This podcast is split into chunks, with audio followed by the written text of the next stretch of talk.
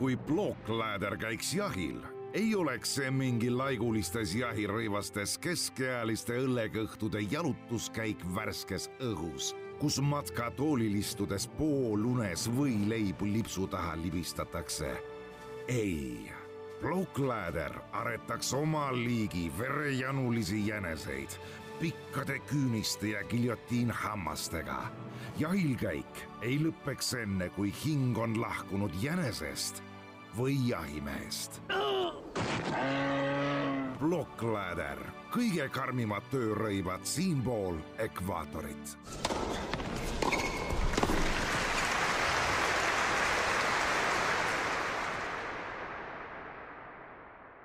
no nii, tervist, tennisesõbrad. on äh, rõõmus päev Eesti tennise ajaloos. Anett Kontaveit võitis, kus ta nüüd mängis, Rumeenias Klutšis, võitis äh, järjekordse turniiri, sel aastal juba neljas karjääris, kokku viies, alistas Simona Halepi kindlalt kuus-kaks, kuus-kolm ja lunastas pääsme WTA aastalõputurniirile, mis algab kümnendal novembril Mehhikos Guadalajaras. Mina ei ole seda veel täna hommikul teinud, aga teeme sellise kõik koos võib-olla ühe internetis ühe käigu ära, see on selline nagu hommikuringutuse asemel, et kirjutame sisse vtatennis.com, võtame siit lahti rankings ja mida me siit näeme, me näeme, et Anett Kontaveit on kaheksandal edetabeli real. palju õnne kõigile, kes Eesti tennises tegutsevad. tänases, täna meil siin tennisepaneelis osalevad loomulikult Riho Kallus, tere! tere! Toomas Kuum. tere! ja Allar Hint. tere! Enne kui siin juttudega võib-olla edasi lähme, kuulame ära, mida Anett ise pärast eilset võitu pressikonverentsil rääkis. Uh, no väga-väga eriline, ma üritasin, terve päev on üritanud mitte mõelda selle peale, kui, kui palju seal mängul kaalul on ja keskenduda selle peale, mida ma, mida ma täna siia tegema tulin ja, ja ma arvan, et üldiselt mängus ma suutsin seda, seda teha küllaltki hästi, et, et ma kindlasti olen väga-väga uhke selle üle ja, ja selle pingutuse üle niimoodi ühelt turniirilt teisele põhimõtteliselt USA-st otse Moskvasse, Moskvast siia, et ega see lihtne ei ole olnud, aga see pingutus on olnud, on olnud seda väärt. Ma mõtlesin, et uh, ma olen, ma olen kannatlik, aga agressiivne ja et uh, ma, ma löön julgelt, aga ma ei löö, ei löö liiga, liiga palju, et äh, mul oli jah, ma mõtlesin nende asjade peale, mida ma, mida ma tegema pean ja, ja kindlasti äh, selle eesmärgiga ma siia tulin ja see, see mõte mul äh, või see nii-öelda eesmärk mul oli lõpuni. ütle, Kai, kuivõrd sa unistasid selle maailma edetabeli esikümnesse pääsust? ma arvan, et äh, see on, see on olnud mu eesmärk sellest alates, kui ma äh, kui ma jõudsin, ma ei tea, kas, kas saja sisse, ma ei, kui ma hakkasin mängima tennist, ma ei arvanud selline asi isegi nagu võimalik on või ma ei julgenud unistada nii suurelt, aga kui ma olen, kui ma jõudsin kahekümne hulka, siis minu eesmärk oli kümne hulka jõuda, et põhimõtteliselt see on, see on see, mille poole ma, ma olen terve oma karjäär püüelnud. Kui raske see teekond on olnud sulle sinna esikümne sekka? eks ma arvan, et, et inimeste sellised need, need tenniseteekonnad ongi väga erinevad, et kes jõuab sinna kohe kiiresti, kellel, kellel läheb aega, ma arvan, et äh, ma olen ka mänginud äh, need aastad väga head tennist, olles neljateistkümne ja, ja kolmekümne vahel, et selles mõttes äh, stabiilselt aastaid järjest olla seal maailma tipus, ma arvan, et ei ole ka halb saavutus, aga muidugi see ei ole see ei ole top kümme, et eks need viimased kuud on olnud äh, äh, uskumatult edukad ja ma olen tõesti mängimist äh, nautinud, ma arvan, mille üle mul on isegi kõige-kõige rohkem hea meel ja eks see muidugi, see ma ei kujuta ette, kes ütleks, et see teekond äh, oleks, oleks lihtne. Äh, ma, ma mõtlesin selle peale ühe sõbraga rääkides ja ma arvan, et ma sean need uued, uued eesmärgid siis, kui, kui see aasta läbi on, et siis praegu on kõik nii kiiresti, nii järjest käinud, et selliseid asju ei ole jõudnud veel, veel läbi mõelda, aga kindlasti nüüd, kui üks asi on saavutatud, siis ma kindlasti tahan, tahan rohkem ja veel paremini, et selles mõttes kindlasti tuleb uued eesmärgid seada, ma lihtsalt ei ole neid veel konkreetselt läbi mõelnud no nii, sellised olid siis Aneti enda mõtted. nagu te aru saite, siis viimane küsimus puudutas seda, et nüüd, kus sul see üks suur eesmärk on täidetud, siis kuhu edasi võiks küsida ja Anett siis kenasti vastas. no Riho, sina seda matši eile kommenteerisid Michel Lehtmetsa ja, ja Toomas Leiusega. sa ütlesid, et sul oli usku, et see nii läheb. ega vist kordagi kahtlust mängu jooksul küll ei saanud tekkida?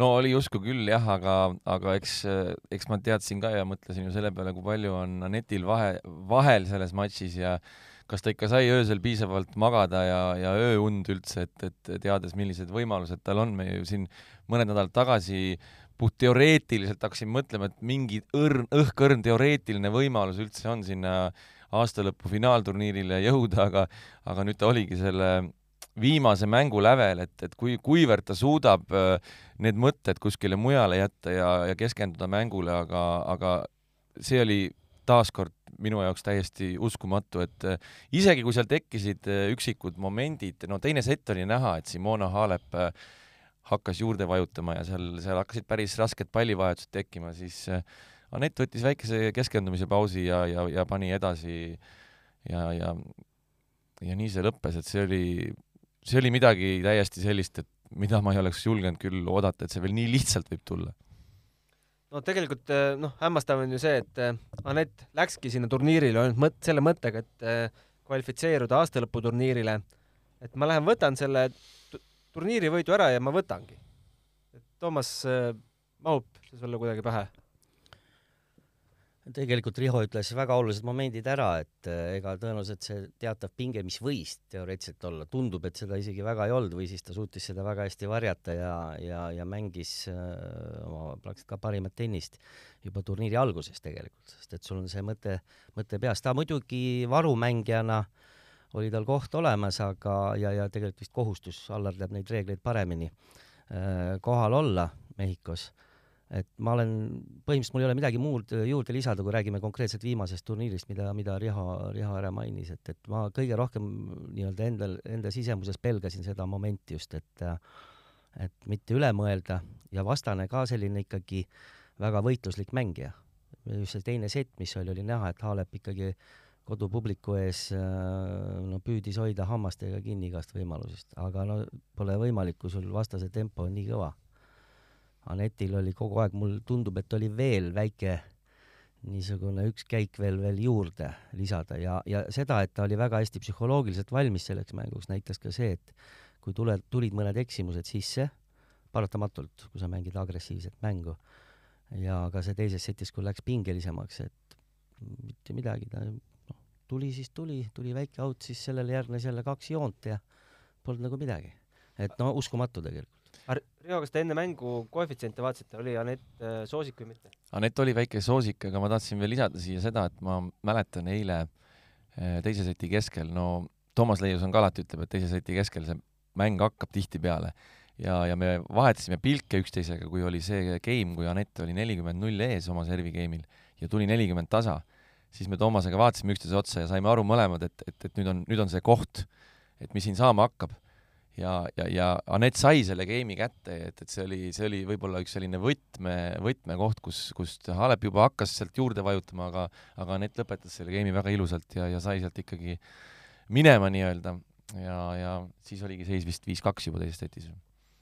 ma hakkasin peale mängu äh, Halepi pressikonverentsi ajal mõtlema, et kas me, kas me Halepit võib-olla enne matši liiga üle ei haipinud, teda liiga suureks favoriidiks ei pidanud, ennustasime, et Anetil noh, no saab ikka väga raske olema, et ei tea, kas üldse sealt äh, võidu välja võtab, sest äh, vaadake, milline aasta on Halepil olnud.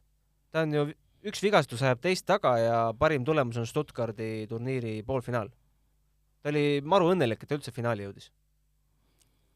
jah, tõsi, et see oli ju Alepi nii-öelda esimene finaal sellel aastal, et äh, ja siia juurde lisada Stuttgardi poolfinaal, et see aasta ei ole talle väga, väga lihtne olnud ja, ja ta tõesti oli, oli ise ka õnnelik, et et ma arvan, et ta ei, ei oodanudki sealt võib-olla midagi, midagi nagu rohkemat või, või selles kontekstis läks ka sinna mängima sellist nagu toredat ja mõnusat mängu, et, et, et üle pika jälle finaalis ja kodupubliku ees ka, et, et see oli, need on võib-olla need, need plussid, mis tegelikult olid Halepil nagu tagataskust võtta, aga, aga noh, kindlasti jällegi teistpidi sa pead olema ma arvan, mänginud seal ja olema, olema neid, ütleme, omama sellist kogemust ka läbi aasta, et sa oled pidevalt ikkagi seal lähedal nii-öelda või selle tipu lähedal, et et, et jällegi niipidi vaadates ma arvan, Halepil ei olnud lihtne, lihtne mängida sellises hoos Aneti vastu, nagu, nagu Anett täna on.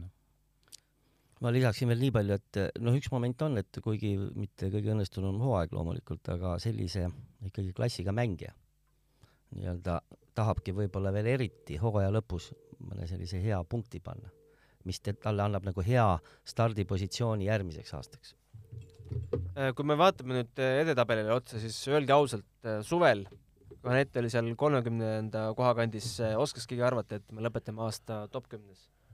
no mina pean ausalt öeldes tunnistama, et ma olin päris, päris mures nagu, et oli ju viimane matš, mille Anett võitis, oli ju Wimbledonis. ja pärast seda oli ju viis matši vist järjest. jah, viis matši järjest olid kaotused, tuli see olümpiamängud veel vahele ja siis oli veel pikk paus ja siis oligi Clevelandi turniir et selline noh, absoluutselt mitte selline ideaalne, ideaalne hooaja keskpaik, et äh, ei osanud küll oodata, et, et selline, selline tõus võiks siia järgneda. Teile?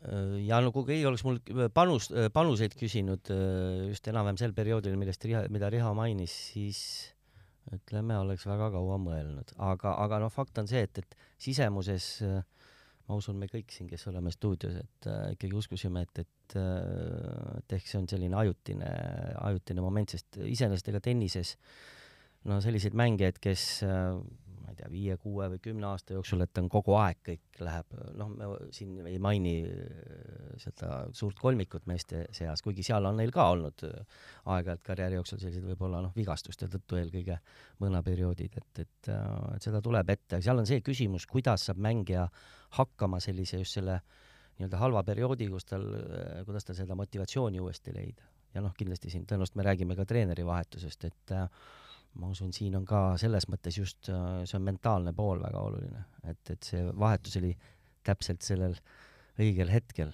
võib-olla isegi natuke oleks pidanud varem olema, kes teab.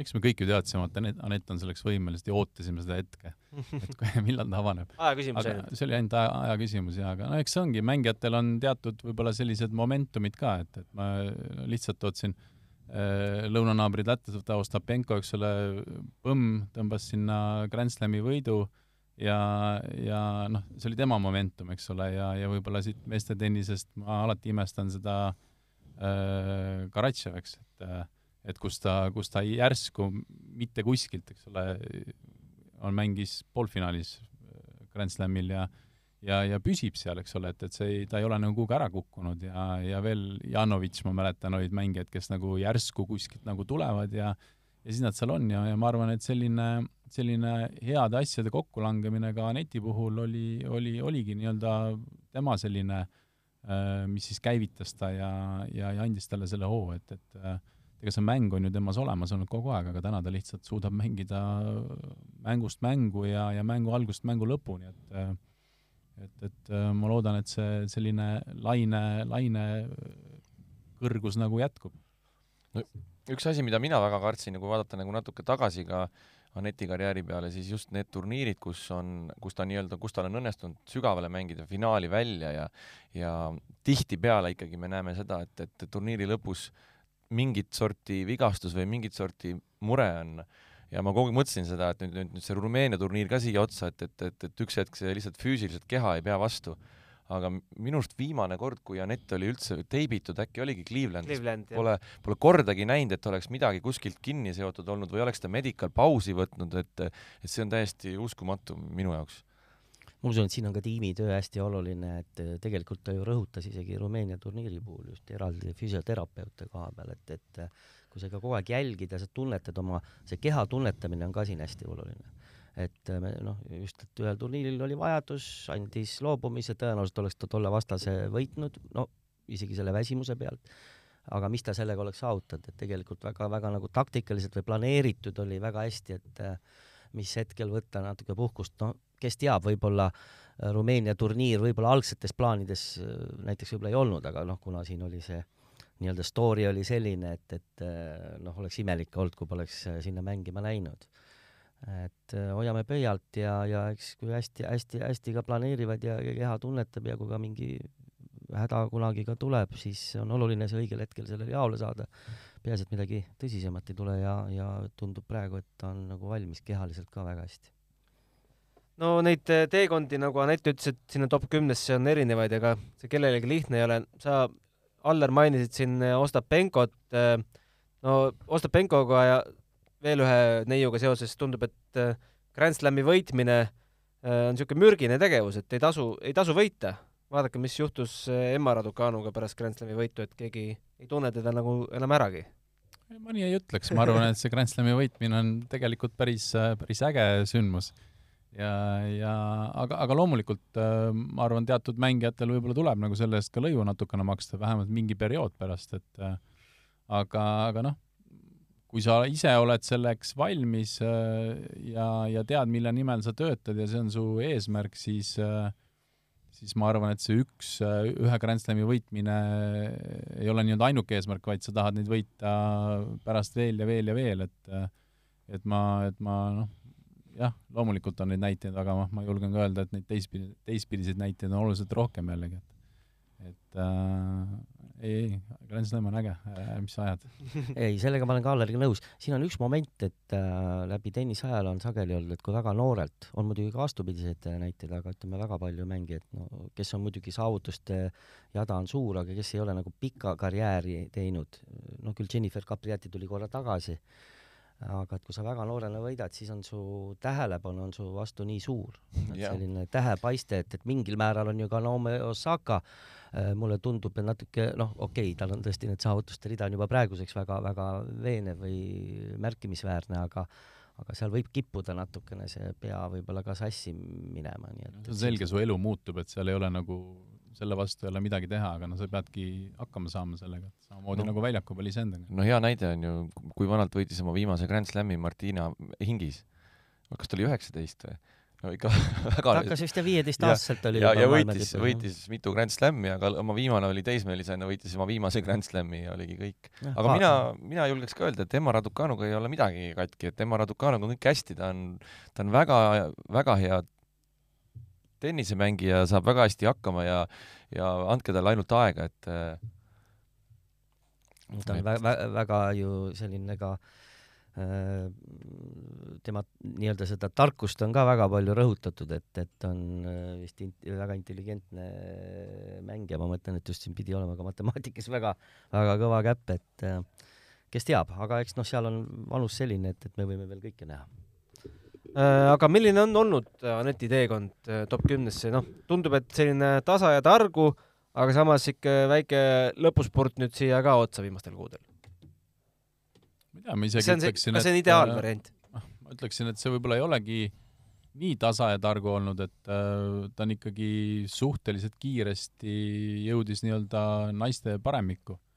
ja, ja ütleme jah, võib-olla top kümnesse on natuke nagu nii-öelda kogemust vaja nagu läinud seal või, või aastad, mis on läinud, et, et kogemust saada selle peal, kuid, kuid äh, noh, ikkagi nii-öelda sellelt, sellelt turniiri tasemelt, kus me, kus me siin täna ütleme, või, või täna algab Aabneeme turniir äh, naiste kahekümne viiene või viieteist tuhandene, ta, ta ikkagi pääses suhteliselt, äh, suhteliselt kiiresti läbi, et, et ma julgen siin võib-olla aasta või, või midagi niimoodi, kus, mis on ikkagi lühike aeg, vaadates, kus, kus mängijad pusivad ja pusivad seal peal ja ja, ja üritavad nii-öelda järgmisele tasemele minna, aga aga jah, eks see on, kus ütlus on, et iga asi tuleb omal ajal ja, ja, ja täna on ikkagi väga selgelt Aneti aeg. ma lihtsalt korra veel täiendan, et just hea näite tõi Allar, et väga paljud mängijad ka, kes on juunioride klassis hästi kõrgel, nad jäävadki sinna ITF-i turniiri tasemele toppama. vaata et enamus isegi no tinglikult me tegelikult võime ju Anetist rääkida kui maailma seitsmendast racketist paari nädala pärast, et siin äh, Twitteris on juba sõna võtnud sellised äh, skeptikud, kes noh, noh, me teame, et WTA turniirisüsteem või turniiri tabelisüsteem on selline, et äh, võid sinna päris tippu päris esimeseks tõusta ka siis, kui, kui sul ei ole ühtegi slam'i võitu ette näidata. kuidas te suhtute, kas maailma seitsmendal reketil peaks olema slam'i võit ette näidata või mitte? Anetil on veerandfinaal, üks me teame siin maailma esimesi reketeid, kellel ei ole slam'i võitu ette näidata ja see on küll teema olnud millest on räägitud, aga ei no miks peaks? naistel on jah, see päris äh, mitu mängijat olnud, meestel, kui ma nüüd ei eksi, Tšiili tennisist Marcelo Rios on olnud niimoodi äh, maailma esireket, kes on suure slam'i finaalis olnud ja teda kimbutasid vigastused. ma ei tea, et seitsmes reket peaks olema kohustus võita suure slam'i turniiri. aga kui sa võidad näiteks, ei võida suure slam'i turniiri, aga võidad näiteks kümme turniiri, no spekuleerime. mis siis on halb äh, hooaeg siis või? No rääkimata Anetist, kes on küll noh, neli turniiri, kui ma nüüd ei eksi, vist on see aasta sama palju turniire võitnud vist ainult äh, Ashley Barti vist jah? Nii on, jah. neli VTA turniiri pluss Jah. siis äh, üks lämm. aa, ikkagi pluss üks lämm, aga jah, Anett on vist äh, selles mõttes turniirivõitude arvult äh, on, on ju kas teine lausa. no Anett möödus siis äh, turniirivõitude arvult, karjääriturniiri võitude arvult äh, Kaia Kanepist.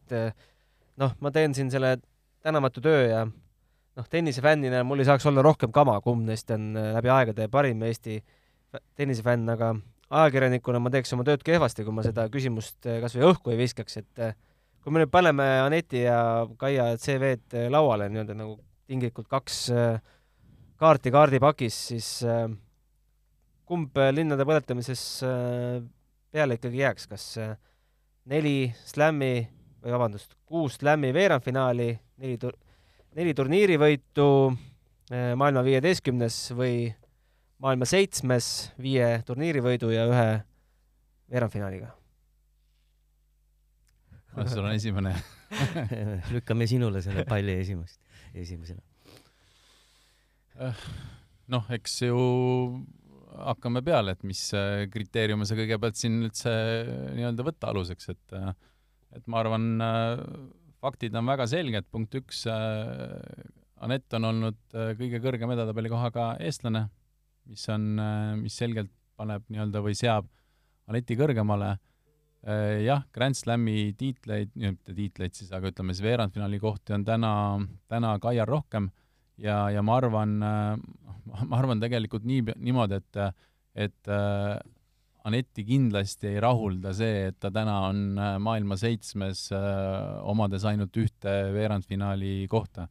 et ta kindlasti on tema, tema soov ja unelm ja, ja ta teeb kõik selleks, et äh, et lüüa üle see punkt üks, see veerandfinaali koht, jõuda võimalikult palju sinna, sinna teise nädalasse et, et, et võib-olla, võib-olla õigem on ikkagi rääkida, kumb neist siis nagu parem on olnud võib-olla sellise, ma ei tea, noh, ütleme kümne aasta pärast, et et vaadata, vaadata üle siis, mis on ühe või teise, teise sellised head tulemused olnud, et et äh, siin ongi, ongi ühte või raske eelistada ühte teisele, et, et ma arvan, et äh, jõuda veerandfinaali Grand Slamil on midagi erilist ja, ja seda ka Anett teab täna ja, ja kui siin ennem oli teema, et kas edetabeli seitsmes peaks olema ilma Grand Slami võiduta, noh, no ei tea, ütleme nii, et täna see on nii, aga, aga kui, kui äh, Anett selle aasta lõpetab, siis äh,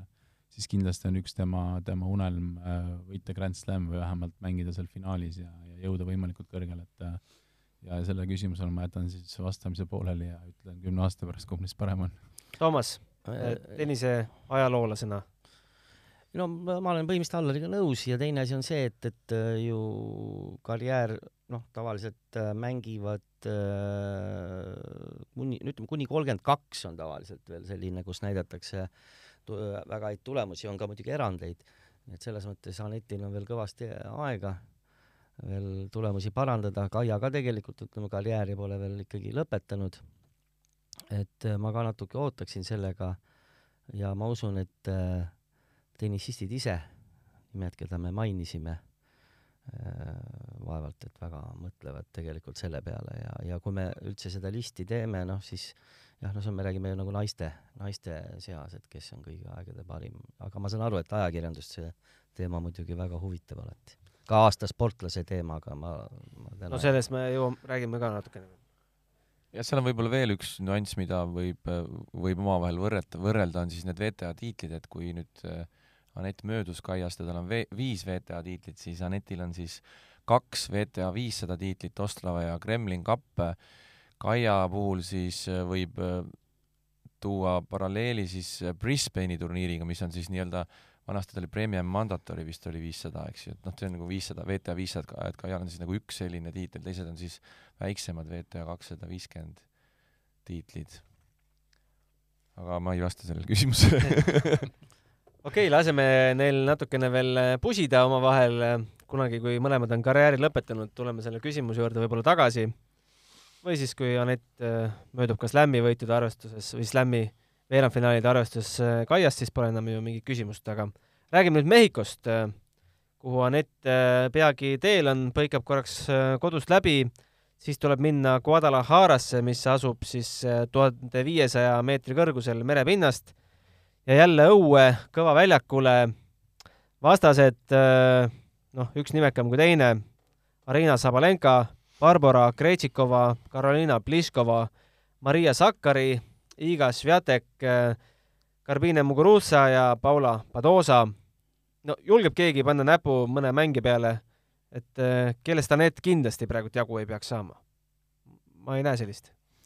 nõus, täiesti.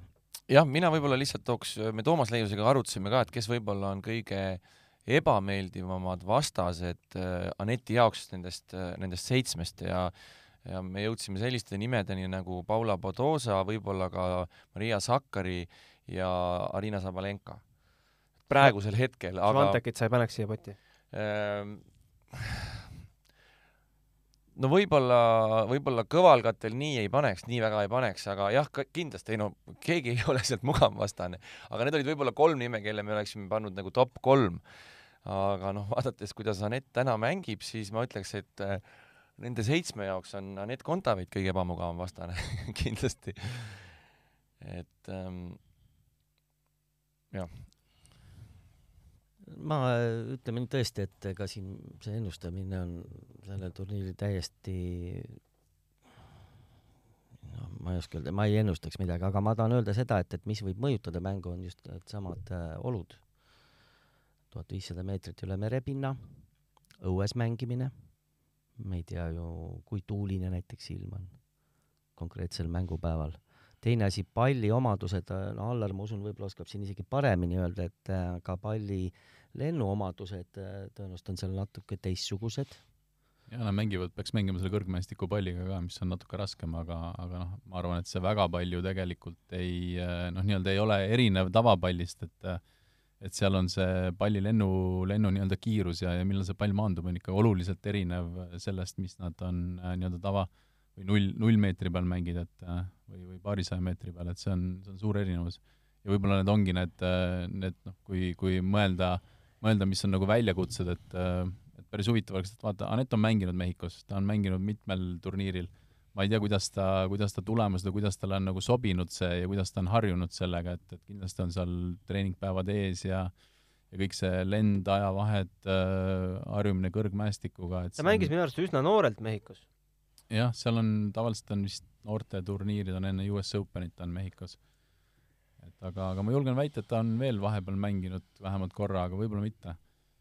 nii, leidsin esimese Meksiko turniiri aastast äh, kaks tuhat kuusteist isegi ja Acapulco ja kuidas ta seal läks. Acapulco ei ole nii kõrgel? Äh, veebruarikuus see toimus ja kaotas esimeses ringis äh, Johanna Kontale. jah, ega see ei ütle mitte midagi, et see aga see on see harjumise, harjumise asi ja kuidas keegi ja, ja ma arvan, kuidas ta, kuidas see, kuidas ta nagu suudab selle, selle energiaga sinna nii-öelda kahe nädala või nädala, nädala aja peale üle kanda, et et seda on, seda on kõigil hea, hea näha. aga nendest praegustest osalejatest, kas me saame öelda, et kellelegi võiks tuhat viissada meetrit võib-olla isegi meeldida, kellelegi paremini sobida? ma ei tea, hispaanlased saavad rohkem mägedes harjutada või? no ma ei tea, võib-olla, võib-olla tõesti, kui sa niimoodi ütled, noh, võib-olla see Padosa mingis kontekstis nagu see mäng võib-olla sobib sinna, sinna rohkem või samas miks mitte ka Gretšikova, aga aga, aga kes siis ei ole võib-olla nii otse sirgjoonelised lööjad, et et no aga seesama Kretšikova on suur küsimärk, et kui ta on taktik. kui ta on veel taktik. kirjas, kui ta on veel kirjas praegu Fed Cupi turniiril, mis on nüüd eh, sel nädalal, kui ta on veel paarismängu Mastersil, et, et noh, seal võib väga vabalt olla mingi moment, kus on vaja teha otsus, millele keskenduda, et noh, tõenäoliselt Siniakovaga ikkagi tahavad kindlasti Mastersit paarismängus võita ka. et, et seal ei tea, seal võib kõike juhtuda ja teame ju, et Muguruzal on täna seljavigastusega oli, oli probleeme, oli ju äh, noh, on Chabeur tegelikult võib vabalt veel sealt sisse saada ja on väga ebamugav vastane. väga ohtlik vastane. väga ohtlik vastane, aga on küünanoki vigastusega, nii et, et see, et sealt äh, teine alternate on siis Pavlutšenkova minu andmetel. et äh, eks ta lahtine, lahtine on see kogu, kogu teema veel, et äh, eks, eks lõpus ole näha, et kes seal üldse tabelisse loositakse ja, ja kes, kes suudavad oma, oma alagrupi turniiri lõpuni mängida seal ja kui suudavad ja, ja siis, siis on näha, et kes kellele vastu tuleb. jah, ja kes ikkagi paremini nende tingimustega harjub, et võib-olla seal esimestel päevadel tuleb väga rahulikult võtta, jooksmise asemel tuleb jalutada ja nii edasi, et inimene üldse harjub, see organism, et võib-olla mõne organism ei harjugi ära, hakkab hoopis vastupidiselt tööle ja on väga raske mängida seda turniiri. aga saab keegi aru, miks see turniir üldse Mehhikosse veidi, miks mitte Euroopa? See pidi vist vist olema ju Shenzhenis äh, Jah, Hiinas, ja, ja see on kuni aastani kaks tuhat kolmkümmend oli vist Shenzhenis. ja siis viime noh, hoopis teisele poole ei maailma. no hiinlased ei saanud korraldada jah lihtsalt, ju. tänases äh, Covidi olukorras hiinlased ei olnud lihtsalt võimelised korraldama Jaa. seda ja, ja ma arvan, et sellist Otsiti turniiri jah, ongi nii, et, et kes on valmis väga lühikese etteteatamisajaga võtma selle järgmine aasta teeme meie. mm.. Riho on ju öelnud, mida lühikese etteteatamise ja, ajaga ja muidugi järgmine aasta teeme meie seda.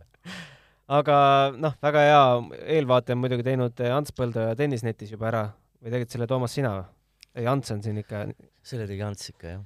ja juba on siis ka teada põhimõtteliselt teoreetiliselt eh, ka alagrupi koosseis, noh, on siin fifty-fifty küsimärgid, et eh, aga paneme enda unelmate alagruppi võib-olla kokku esimesest loosipotist Sabalenka või Krejtšikova?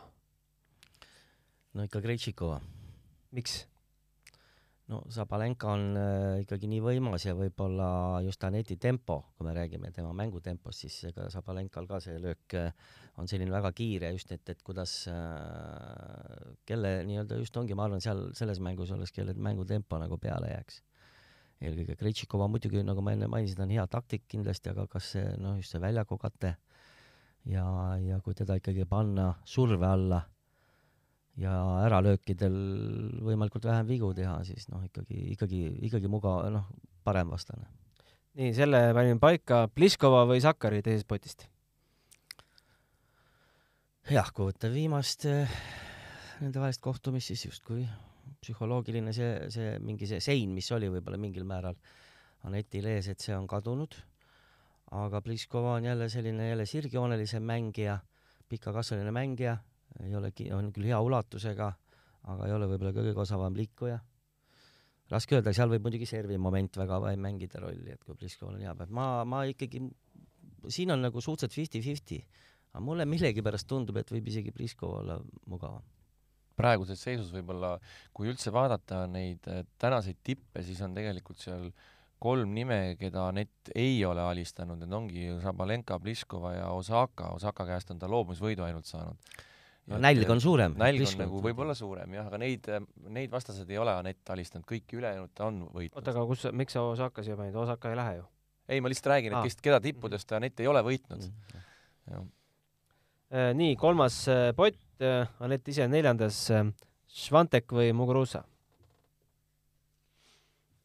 see on lihtne. vaatame viimast, vaatame viimast. vaatame viimast mängu. Muguruza ikka pigem, mina arvan ka, et pigem Muguruza, et, et eriti kui sa viitasid, et tal on seal äh, nii-öelda probleeme oma kehaga ja, ja siis äh, lisaks sellele, et jälle see, ma rõhutan, et just see liikumine ja kuidagi tundub, et kui Anett suudab kõva tempot hoida, siis äh, väga tähtsaks muutub see, et äh, kui hästi liigub vastane platsil. Et mida rohkem ta saab palle tagasi, seda suurem noh, tõenäosus alati, et sa ei suuda punkti lõpuni võidukalt viia, et see eksimuse tõenäosus suureneb. no Haalepit peeti ka päris heaks liikujaks. no Kaalep oli ka eile väga hea jalad olid liikuja. ristis. no aga eile ka oli väga hea liikuja, ei saa öelda, jalad olid ristis küll, sellepärast olid ristis, et vastane lihtsalt mängis niivõrd kiiret ja ja täpset tennist, aga, aga, aga liikus väga hästi eile. Alepi liikumise kohta ei ole midagi öelda halba eile. väga kõvad pallivahetused olid seal. No Aneti füüsilisest rääkides, siis täiesti nagu müstika, kuidas ta need, no mängukoormus on, on, on olnud ju meeletu, et äh, viimasest kahekümne kaheksast matšist kakskümmend kuus võitu, võiduseeria on kümme matši, siseturniiridel viisteist lausa ja viimasest seitsmest turniirist on võitnud neli.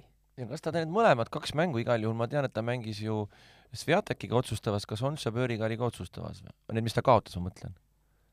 Šabööriga oli vist ikkagi otsustav. oli ka otsustav, nii et ta mõlemad matšid, mis ta kaotas, olid otsustavas setis veel. et nendes mängudes ta võitis ka seti.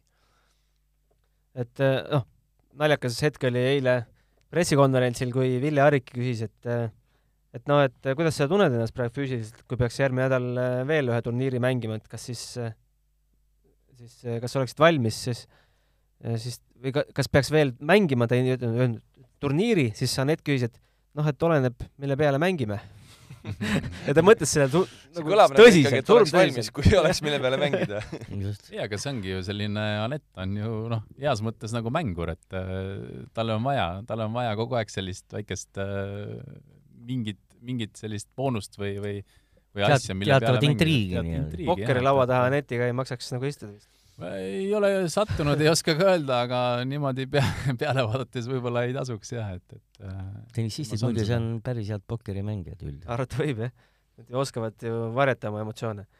aga no, me peame ikkagi puudutama Dmitri Tursunovi personaalküsimust ka, et äh, esiteks küsiks, küsiks, et äh, kui ma, kui teisel pool lauda istuks Dmitri Tursunov, siis et kus sa varem olid?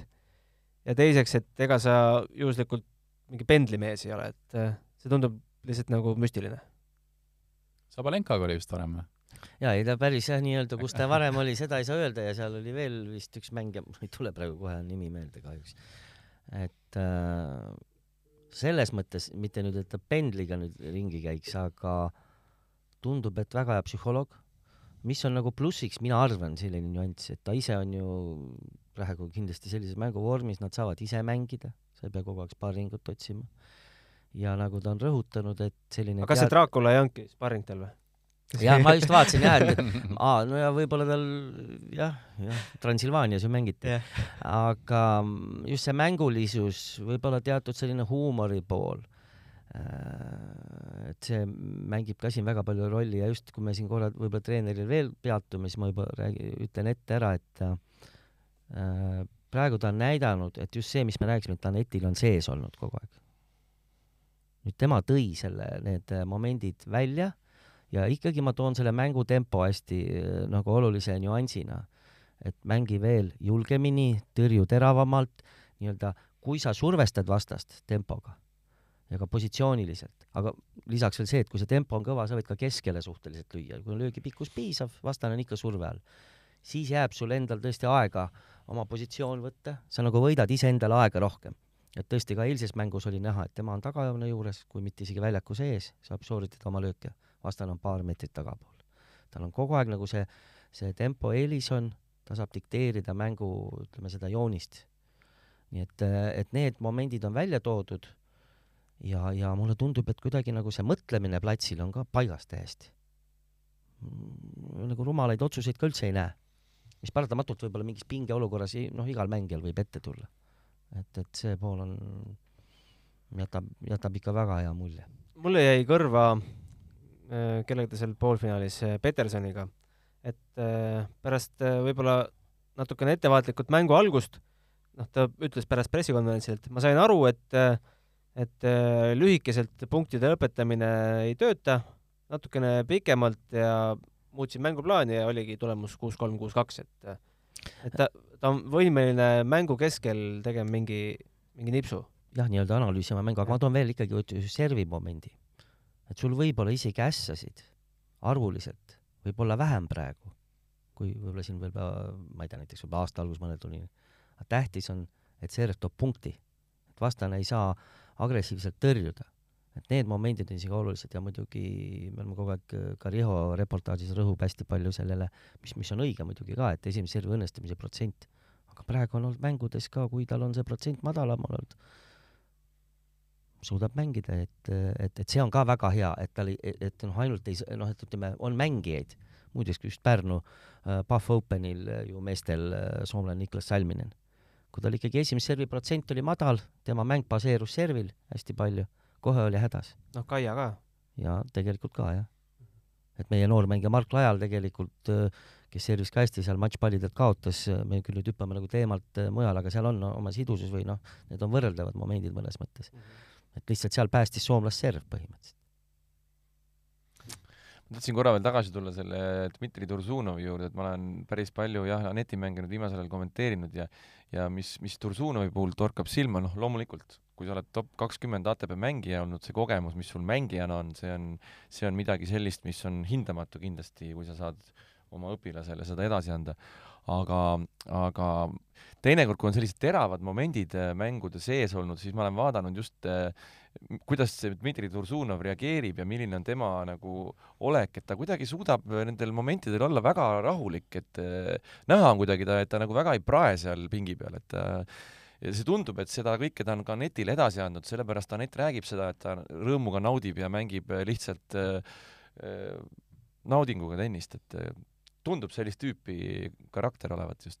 ma arvan, et ta on väga hea inimeste tundja või selline nagu psühholoog et, et ta tunneb, mismoodi inimene ja ka mängija nii-öelda väljaku peal toimib ja, ja just see, just see, et ta võib-olla iseendast on suutnud selle, selle emotsiooni, mis tekib võib-olla nii-öelda võidu või kaotusega nagu kõrvale panna ja ta on noh, ise nii-öelda särab seal väljaku peal ja see kõik kandub üle ka mängijale, et, et tal ei ole, mängija ei pea ka nii-öelda praadima kogu aeg, et võidan, kaotan, võidan, kaotan, löön out'i, löön sisse, löön ära, võidan, et noh, see on see kõik, kõik kandub üle ka mängu ja, ja läbi selle ma julgen öelda, et Anetil on tekkinud ka mängus võib-olla rohkem nagu aega.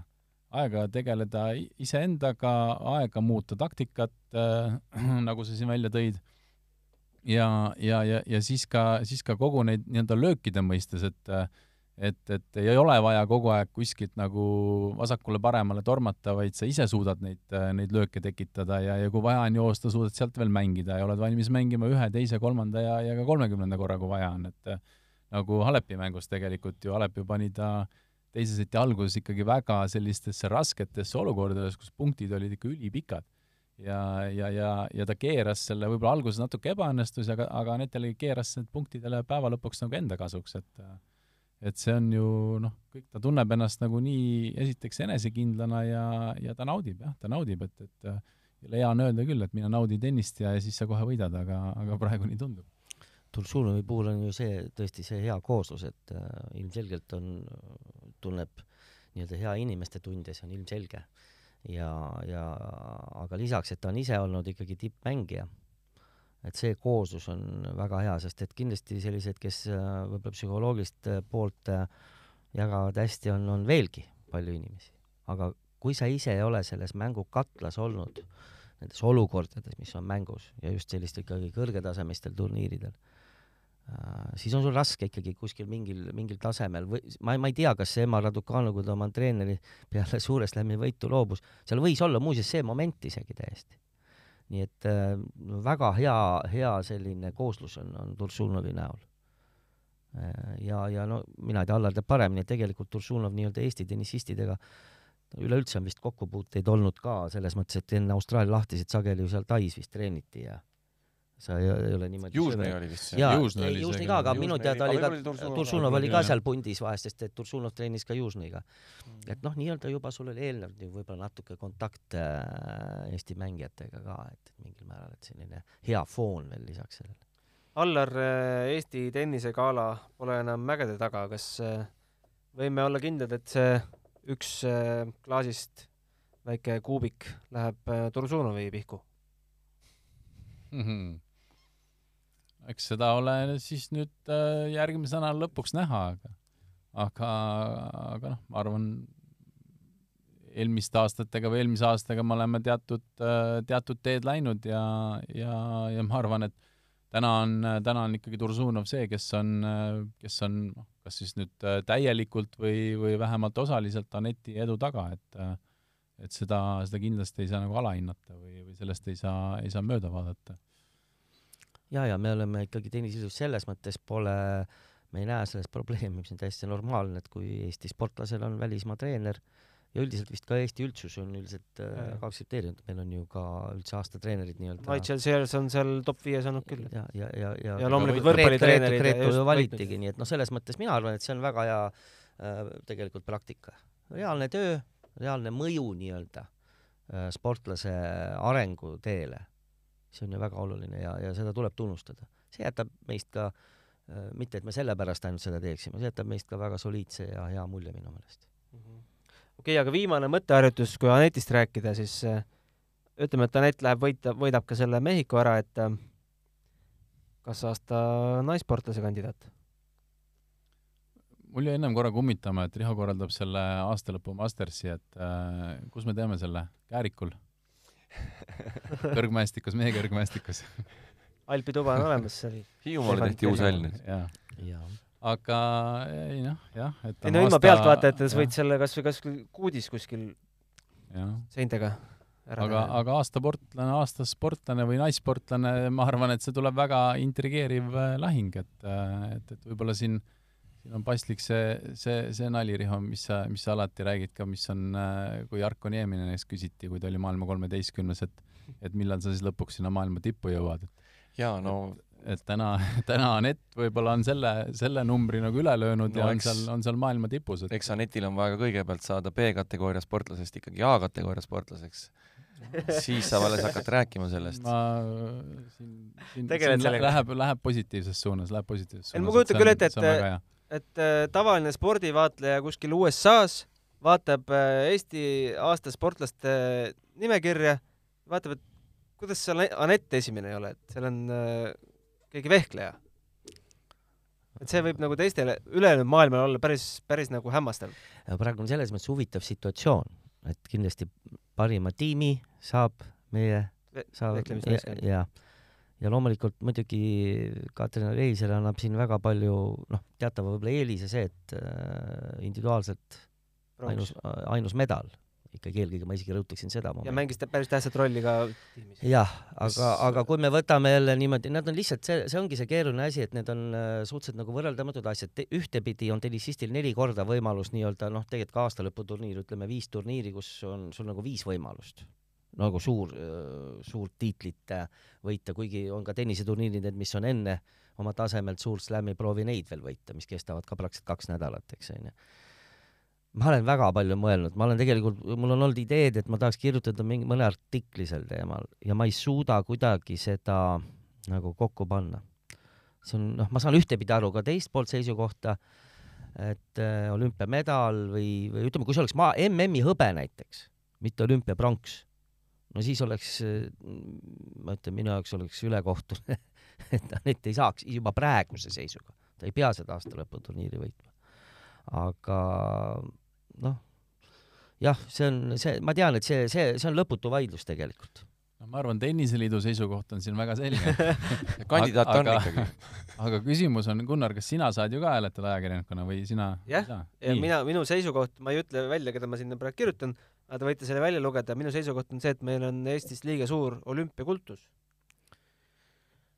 jah, mõnes mõttes küll, et, et mind vahest paneb see imestama, et kui näiteks olümpiamängud on läbi, ma üldse nagu ei halvusta, aga mul jääb kuidagi see natuke kripeldama.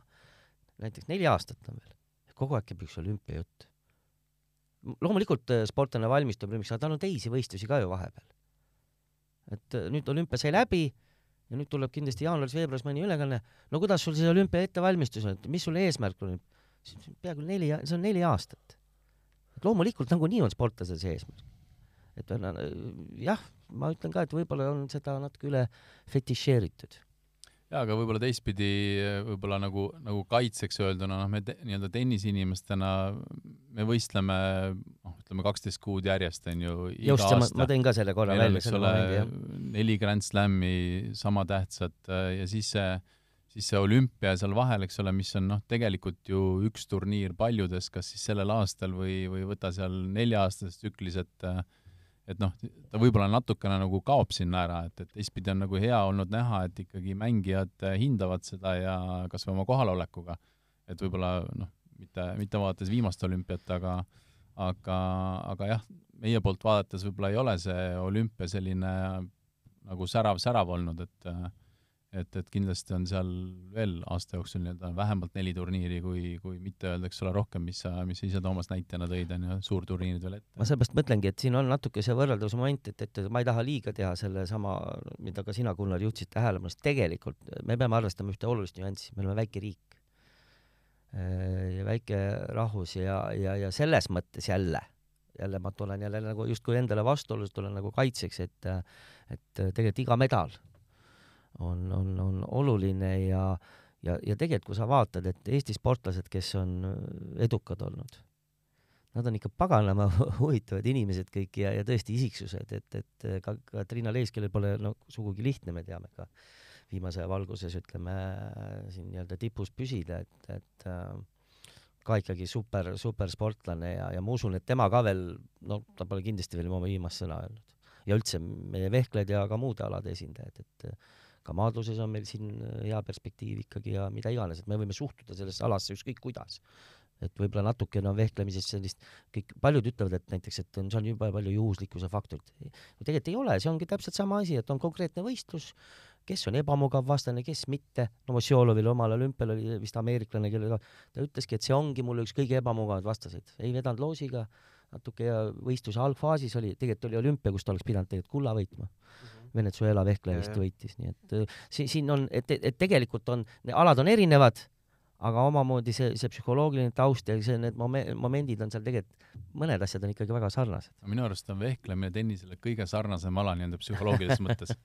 et noh, sul on samasugune tabel, sul on, sul on vaja võita nii-öelda ütleme, kolmekümne kahe hulgast sa hakkad või kuuekümne nelja hulgast ja viis-kuus vastast samamoodi nagu tennises, et et võita lõpuks see turniir, et, et hästi sama ja, ja ongi üks, kes on ebamugavam, kes on, kes on vasakukäeline, kes on paremakäeline, et hästi nagu sarnaselt, sarnased printsiibid, printsiibid või põhimõtted. jah, tegelikult seal on sarnasus selles osas kindlasti, jah no õnneks või kahjuks ega sellest tiitlist midagi ei muutu Aneti jaoks ja ja, ja eks nende võrreldamatute asjade võrdlemine on üldse tänamatu töö, tegevus, et, et tore oleks, kui lihtsalt tunnustatakse parimaid ja, ja nii on, et, et see kurb on, kui spordiinimesed hakkavad nagu üksteist maha tegema ja seda on nii palju alati selle aasta sporditiitli jagamisel, et et Katrina Lehis on tubli ja Anett on tubli ja täpselt. ja nii ongi. ja see ei pea olema mahategemine, see on lihtsalt oma argumentide võrdlema ja siis rääkima, et vot see jala on ikka tähtsam ja see on ikka suurem kui see jala ja noh, kõik see, et noh, jah, et, et kas, kas ujuja võib olla parim no,, aga proovi ujuda, Ameerikas ja need Austraalias on nii palju ujujaid, et ja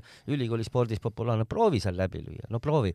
pluss veel teatud aladel on ju ka spetsiifika selles, mis regioonis oled sündinud. jah, ma arvan, me võime kõik öelda, et kui ikkagi meie naiskond vehkles kullatiitlina, siis kõik istusid kodus ja pulss oli kõrge ja elasid täiega kaasa, nii et see oli fantastiline moment ja hetk.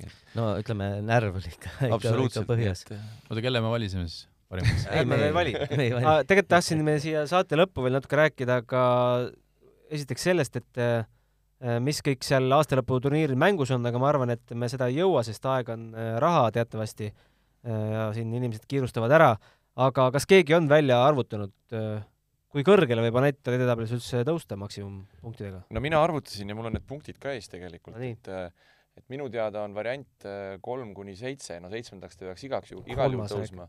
kolmas oleks nagu maksimum, kui ta peaks selle turniiri võitma niimoodi ära, et ta saab tuhat viissada punkti. Äh, aastalõpu turniiril on siis niimoodi, et äh, iga kaotuse eest saab mängija sada kakskümmend viis punkti ja, ja lisaks, kui ta selle matši alagruppis võidab, tuleb veel sada kakskümmend viis punkti ehk siis kakssada viiskümmend punkti poolfinaali jõudmine eraldi punkte ei anna, aga kui sa kvalifitseerud finaali, saad sa veel kolmsada kolmkümmend punkti ja võitja siis, võitja siis veel lisaks nelisada kakskümmend.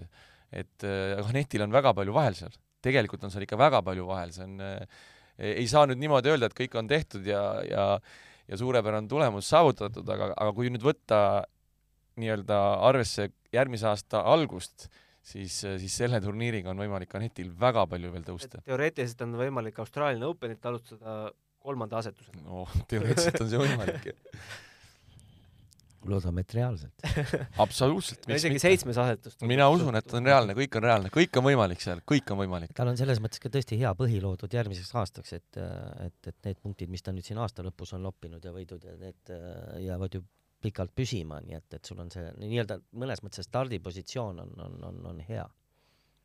ja tegelikult oleks tahtnud ka Pahva Openist rääkida, võib-olla ma küsin, Toomas, sinu käest, et sina neid mänge seal Pärnus eelmisel nädalal kommenteerisid, mis on see üks asi, mille sa võib-olla kõige rõõmustavamana Eesti tennise kohta sellelt turniirilt välja võtad? no ikkagi ei ole midagi teha, ma korra mainisin, et äh, Mark Lajali esitus äh, esimesena asetatud ja pärast küll finaalis, finaalis kaotas äh, soomlane Patrick Niklas Salminen, kes on muideks ka juunioride tasemel olnud maailma kakskümmend, aga on jäänud sinna toppama ITF-i karusselli. Et, et see mäng, ma olen Margi mänge näinud vist kuskil kolm mängu elu jooksul ja ma ütlen siis tulemuse ka neli, kuus, kuus, kolm, kuus, seitse. Ja ja no, mis kiire lõpp on küll seitseteist, viisteist, viisteist, seitseteist siis tema poolt vaadatuna. Väga-väga hea, väga hea mulje jättis, tal ei olnud muidugi, ütleme, võib-olla oli psühholoogiliselt selles mõttes ka hea mängida, et sul nagu veel kaotada ei ole midagi, aga ta väga vajas tegelikult, no väga vaja seda, seda esimest head võitu ITF-i turniiril. Ja esimest ATP punkti. jah, et, et, et väga hea mulje jättis. ah, sai esimese ATP punkti. ei saanud. ei saanud, sest Aga ta oli ju vaba pääsme ka, ka seal, no ma ei tea, seal on nii naistel ja meestel on veel erinev see punkt. juunioride jah, ringi pääse nii-öelda jah. ja peab ikka ringi võitma ja et äh, see on ikkagi nagu võtmeasi ja tegelikult ütleme, et ega ka Kennet Raismaa ja Vladimir Ivanov- Ivanov tegelikult mängisid päris hästi ja ja Ivanov oli tegelikult päris lähedal ju turniiri võitja šveitslase Remi Bertola võitmisele, seal oli päris palju momente, võib, võib-olla mingil määral ka väsimus äh, äkki Vooval äh, mängis, mängis rolli ja seal oli ka see, et, et võib-olla alustas natuke šveitslane mitte kõige paremini mängu ja ka Kennet kaotas ju samuti ju kolmes setis äh, samale soomlasele, nii et tegelikult äh, üldiselt äh, läks minu meelest see, see, see mulje vähemalt, mida, mis mängu näidati, jättis mulle, kui ma eeldasin, kui ma tulin turniirile kommenteerima, siis see pilt oli ikkagi, ma ütlen ausalt, oli, oli, oli parem. aga muidugi, see oleks muidugi super, kui oleks ka Mark Lajal võitnud oma avaringi mängu ja seal oli viis matšpalli, kui ma ei eksi. aga selge, tõmbame tänasele saatele joone alla, ma arvan, et tuli päris hea saade ja ma arvan, et järgmiste nädalate jooksul on põhjust neid häid saateid siit matšpallilt veel oodata, meil on üks väga magus külaline novembri lõppu juba broneeritud ja kes teab, äkki saame ka Mehhikost veel juttu teha, eks ju, Riho? ikka. vihjeks võib öelda, et vilksamisi on televaatajad juba näinud seda külalist viimaste ülekannete jooksul, väga salakaval. väga salakaval. see Dracula sealt. maski maski taga. Dracula ei olnud, võib-olla istus samal toolil, ma ei pannud tähele. aga aitäh teile praegu ja, ja kena päeva jätku, aitäh kõike head. saatesse Head. osalejatele. kui plookläder käiks jahil, ei oleks see mingi laigulistes jahirõivastes keskealiste õllekõhtude jalutuskäik värskes õhus, kus matkatoolil istudes poolunes võileibu lipsu taha libistatakse. ei, plookläder aretaks oma liigi verejanulisi jäneseid pikkade küüniste ja giljotiinhammastega. jahilkäik ei lõpeks enne, kui hing on lahkunud jänesest või jahimehest. plokkläder, kõige karmimad töörõivad siinpool ekvaatorit